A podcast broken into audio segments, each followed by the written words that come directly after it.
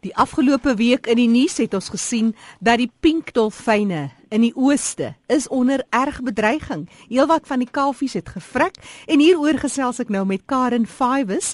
Nou Karen is 'n marine bioloog. Sy is werksaam by Ushaka Sea World, dis in Durban. Karen, vertel ons eers oor dolfyne oor die algemeen. Hoeveel spesies is daar?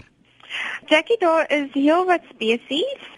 Van die bekendste spesies is die bottelneusdolfyne en uh hier by SeaWorld het ons Atlantiese bottelneusdolfyne as ook 'n Indo um Pacific um bottelneusdolfyn. Dis nou die ene wat so halfie knop so oor die kop het so vir voor hy by die bek kom. Ja, dit is reg. Ehm um, maar daar is daar's heelwat dolfyne en selfs die uh, groot uh, orka word ook nog steeds geklassifiseer as 'n dolfyn. Is dit ook dieselfde tipe dolfyn waarna ons nou verwys in in byvoorbeeld in China, die pink dolfyne? Hoe verskil hulle? Die pink dolfyne is 'n boggelrugdolfyn. So dit is 'n ander spesies van die bottelneusdolfyn. Hy het so 'n uh, boggeltjie by sy um, op sy rug net voor sy vin. So hy kan nogal duidelik um, uitgeken word. Ons gaan nou-nou weer fokus op die uh, bottelneusdolfyne wat ons daar hier aan ons kuswaters het. Maar vertel ons meer oor die pinkdolfyne en wat nou so kwai deurloop onder vrektes. Wat is die groot oorsaak daar? Ehm um, uh, Jackie se ver ehm um, ek kan verstaan is hierdie dolfyne um, aan China se kus um, en die dolfyne is in waters wat baie besoedel is. Besoedeling speel 'n groot rol in. Um, daar is ook ander redes, daar so 'n swak vissery tegnieke en dan ook um, baie hoeveelhede boot. So daar's baie bootverkeer um aan hierdie kuslyn. En dan um beteken dit natuurlik daar's meer mense, daar's meer impak. So hulle het ook maar verlies aan omgewing waar hulle kan gaan vir om kos te soek en om net hulle daaglikse uh, lewe uit te leef. Hmm. En dit is ook maar dan die kleintjies wat eintlik miskien maar die swaarste kry onder hierdie omstandighede. Ja, so ehm um, die berigte wat deurgekom het is dat daar hele paar kalfies is wat ehm um, oorlede is en ehm um, soos ek verstaan het, sê hulle dit is deurgekom met gekontamineerde melk van die maas. Nou dit is dan ehm um, kan direk jou moontlik direk wees van die besoedeling. Ehm um, want hulle omgewing water waarin hulle leef ehm um, word besoedel en een van die besoedelaars is uh, baie keer plaagdoders. Mm, mm. Dit wys jou net die verrekkende gevolge wat iets het soos plaagdoders as jy nie die regte plaagdoders gebruik, dit beland in die water en uiteindelik in die oseaan. Vertel ons oor die interessanthede van hierdie spesifieke spesies van dolfyne, hierdie pink dolfyne. Is hulle regtig so pink? Ek het 'n foto gesien en daar is so pink skynsel. Uh, ja, hierdie dolfyne um, lyk nogal rarig baie pink en uh, die rede hiervoor is dat daar nou dis nie asof daar geen pigment is nie. Die pink kleur kom voor as gevolg van bloedvate wat ehm um, dan nou so deur die vel skyn en dan so pinkerig is en hierdie bloedvate gebruik hulle om hulle temperatuur meer te reguleer. So dit was baie interessant. Dit is nie. Hoe verskil diep dolfyne van ons dolfyne? Jy praat nou van temperatuur wat gereguleer word deur middel van bloedvate wat sigbaar is teenoor die ehm uh, boggelneus dolfyne wat ons hier in ons kus het. Jackie die uh, bottelneus dolfyn ehm um, reguleer ook hulle temperatuur. Hulle het, het wel miskien dalk net 'n donkerder vel, dis hoekom ons nie ehm um, die die bloedvate so maklik sien nie, maar daar is baie bloedvate wat deur die stert gaan. Die stert word is baie belangrik met die afkoeling van ehm um, die liggaam of om te verhoed dat hy nie afkoel nie. Hmm. Oor oor die stert 'n ekstreme punt is, is dit baie keer baie koud. So bloed wat uitvloei um, na die stert toe, um, sal die warmte afgee na bloed wat terugkom van die stert toe. So die die hoofsaaklike liggaamsdele koel nooit te veel af nie en dis hoe hulle dit kan reguleer. Nou dolfyne is daarvoor bekend dat hulle vreeslike groot vermaaklikheidsbron aan mense verskaf. Vertel ons 'n bietjie oor die interessanthede van hierdie spesies. By SeaWorld het ons uh, die bottelneusdolfyn spesies uh, spesies en ehm um, hierdie dolfyne is ehm um, baie intelligent. Ons ons gebruik hulle om in ons ehm um, vertonings om mense bietjie te leer van hierdie diere dat hulle kan sien hoe lyk hulle en verstaan ehm um, weet sodat hulle kan leer van die diere en ons ehm um, maak ook mense bewus dat die diere kan geaffekteer word deur die besoedeling soos wat ons nou gesien het van die pink dolfyne. Ehm um, hierdie diere is ehm um, intelligent waar hulle van mekaar leer om te kan spring.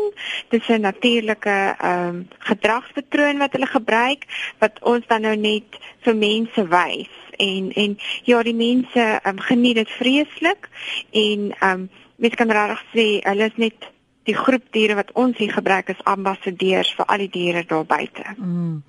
En uh die paringsgewoontes, dis ook 'n baie sensitiewe saak hoe dat daai kleintjies partykeer doodgemaak word en en ook amper die emosie wat deur byvoorbeeld 'n koei gewys word.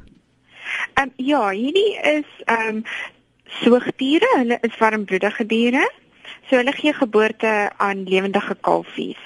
So daar die kalfie sal dan nog kom melk drink ook aan die ma. So daar is definitief 'n verband tussen die ma en kalfie en sy sorg vir hierdie klein kalfie. So ja, dis dink ek wat ons as mense sien is hierdie moeder dolfyn wat vir haar klein kalfie versorg. Hoe lank dra hulle aan so 'n in so 'n kalfie? Ehm um, die verskillende spesies is verskillende tydperke, maar die botteldolfyn, bottelneusdolfyn is omtrent so 12 maande.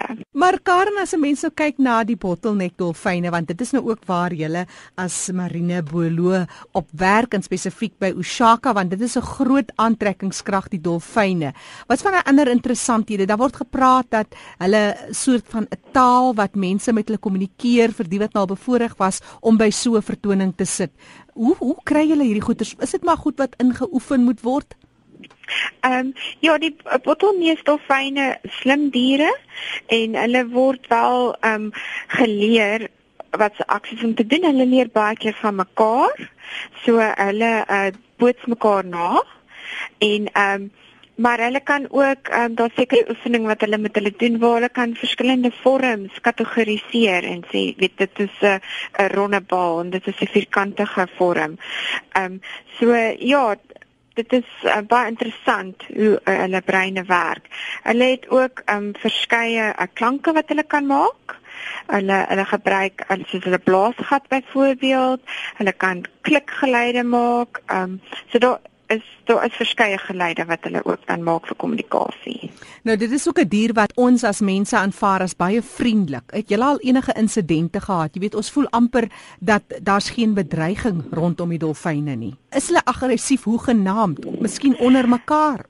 Ehm um, ja, die die dolfyne het beslis 'n uh, 'n uh, sosiale struktuur binne in hulle groepe en die bottelneusdolfyn leef in in groepe van so 10 tot 30 diere. Uh baie keer kom hulle bymekaar en hulle baie meer. Um so daar is ook 'n bietjie van 'n hiërargie. Um en dan is hulle natuurlik jagters. So um hulle jag aktief vir vis en hulle sal dan ook as 'n span saamwerk. Daar is nie baie ander diere wat die dolfyn bedreig nie.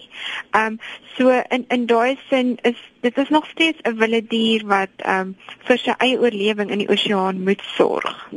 Karen is die bottelnek dolfyn die enigste van sy soort in daai geweste? Die bottleneus uh, dolfyn um, kom baie gereeld aan ons kus voor, um, maar daar's baie ander spesies wat ons ook hier sien, soos byvoorbeeld ook die boggelrug dolfyn. Karen, my navraag het eintlik begin as gevolg van die bedreiging vir die pink dolfyne aan die Chinese kus en jy sê dis bloot besoedeling. Wat bedreig ons spesies? Suid-Afrikaanse kus is ook nou nie heeltemal so skoon nie. Hoe bedreig dit ons spesies hier om ons kus? Um ons het beslis ook besoedeling wat aan ons kus plaasvind. Um ons het byvoorbeeld baie plastiek wat in ons see opeindig. Ongelukkig um gooi mense nie altyd hulle hulle pakkies en hulle goed um soos hulle takeaways wat hulle gebruik het weg nie en um dit maak nie saak nie jy hoef nie eers op die kus te bly nie baie keer waar jy die plastiek in riviere in, ons riviere mond uit in die see en so word baie diere geaffekteer deur plastiekbesoedeling. Ehm um, byvoorbeeld een van die ehm um, diere wat beslis geaffekteer word is 'n skilpad wat sal dink dit is kos wat hy kan eet. Dan ehm um, vissery tegnieke is ehm um, ook bedreiging veral as ehm um, dit nie reg gedoen word nie. Ehm um, en sekere nette ehm um, uh, met sekere uh, visserstegnieke word ehm um, die verkeerde nette gebruik en diere soos dolfyne kan dan verstrengel in hierdie nette en verdrink. Dis Karen Fives wat interessanthede met ons deel oor die dolfyne langs ons kus en ook die Chinese kus waar die pink dolfyn erg bedreig word en dit as gevolg van besoedeling. Karen is 'n marine bioloog by Oshaka SeaWorld. Karen gee vir ons julle webtuiste vir mense wat wil kyk na julle programme en so meer. Uh dit is www.seaworld.org.za. Ek herhaal net daai webtuiste gaan maak 'n draai by www.seaworld.org.za.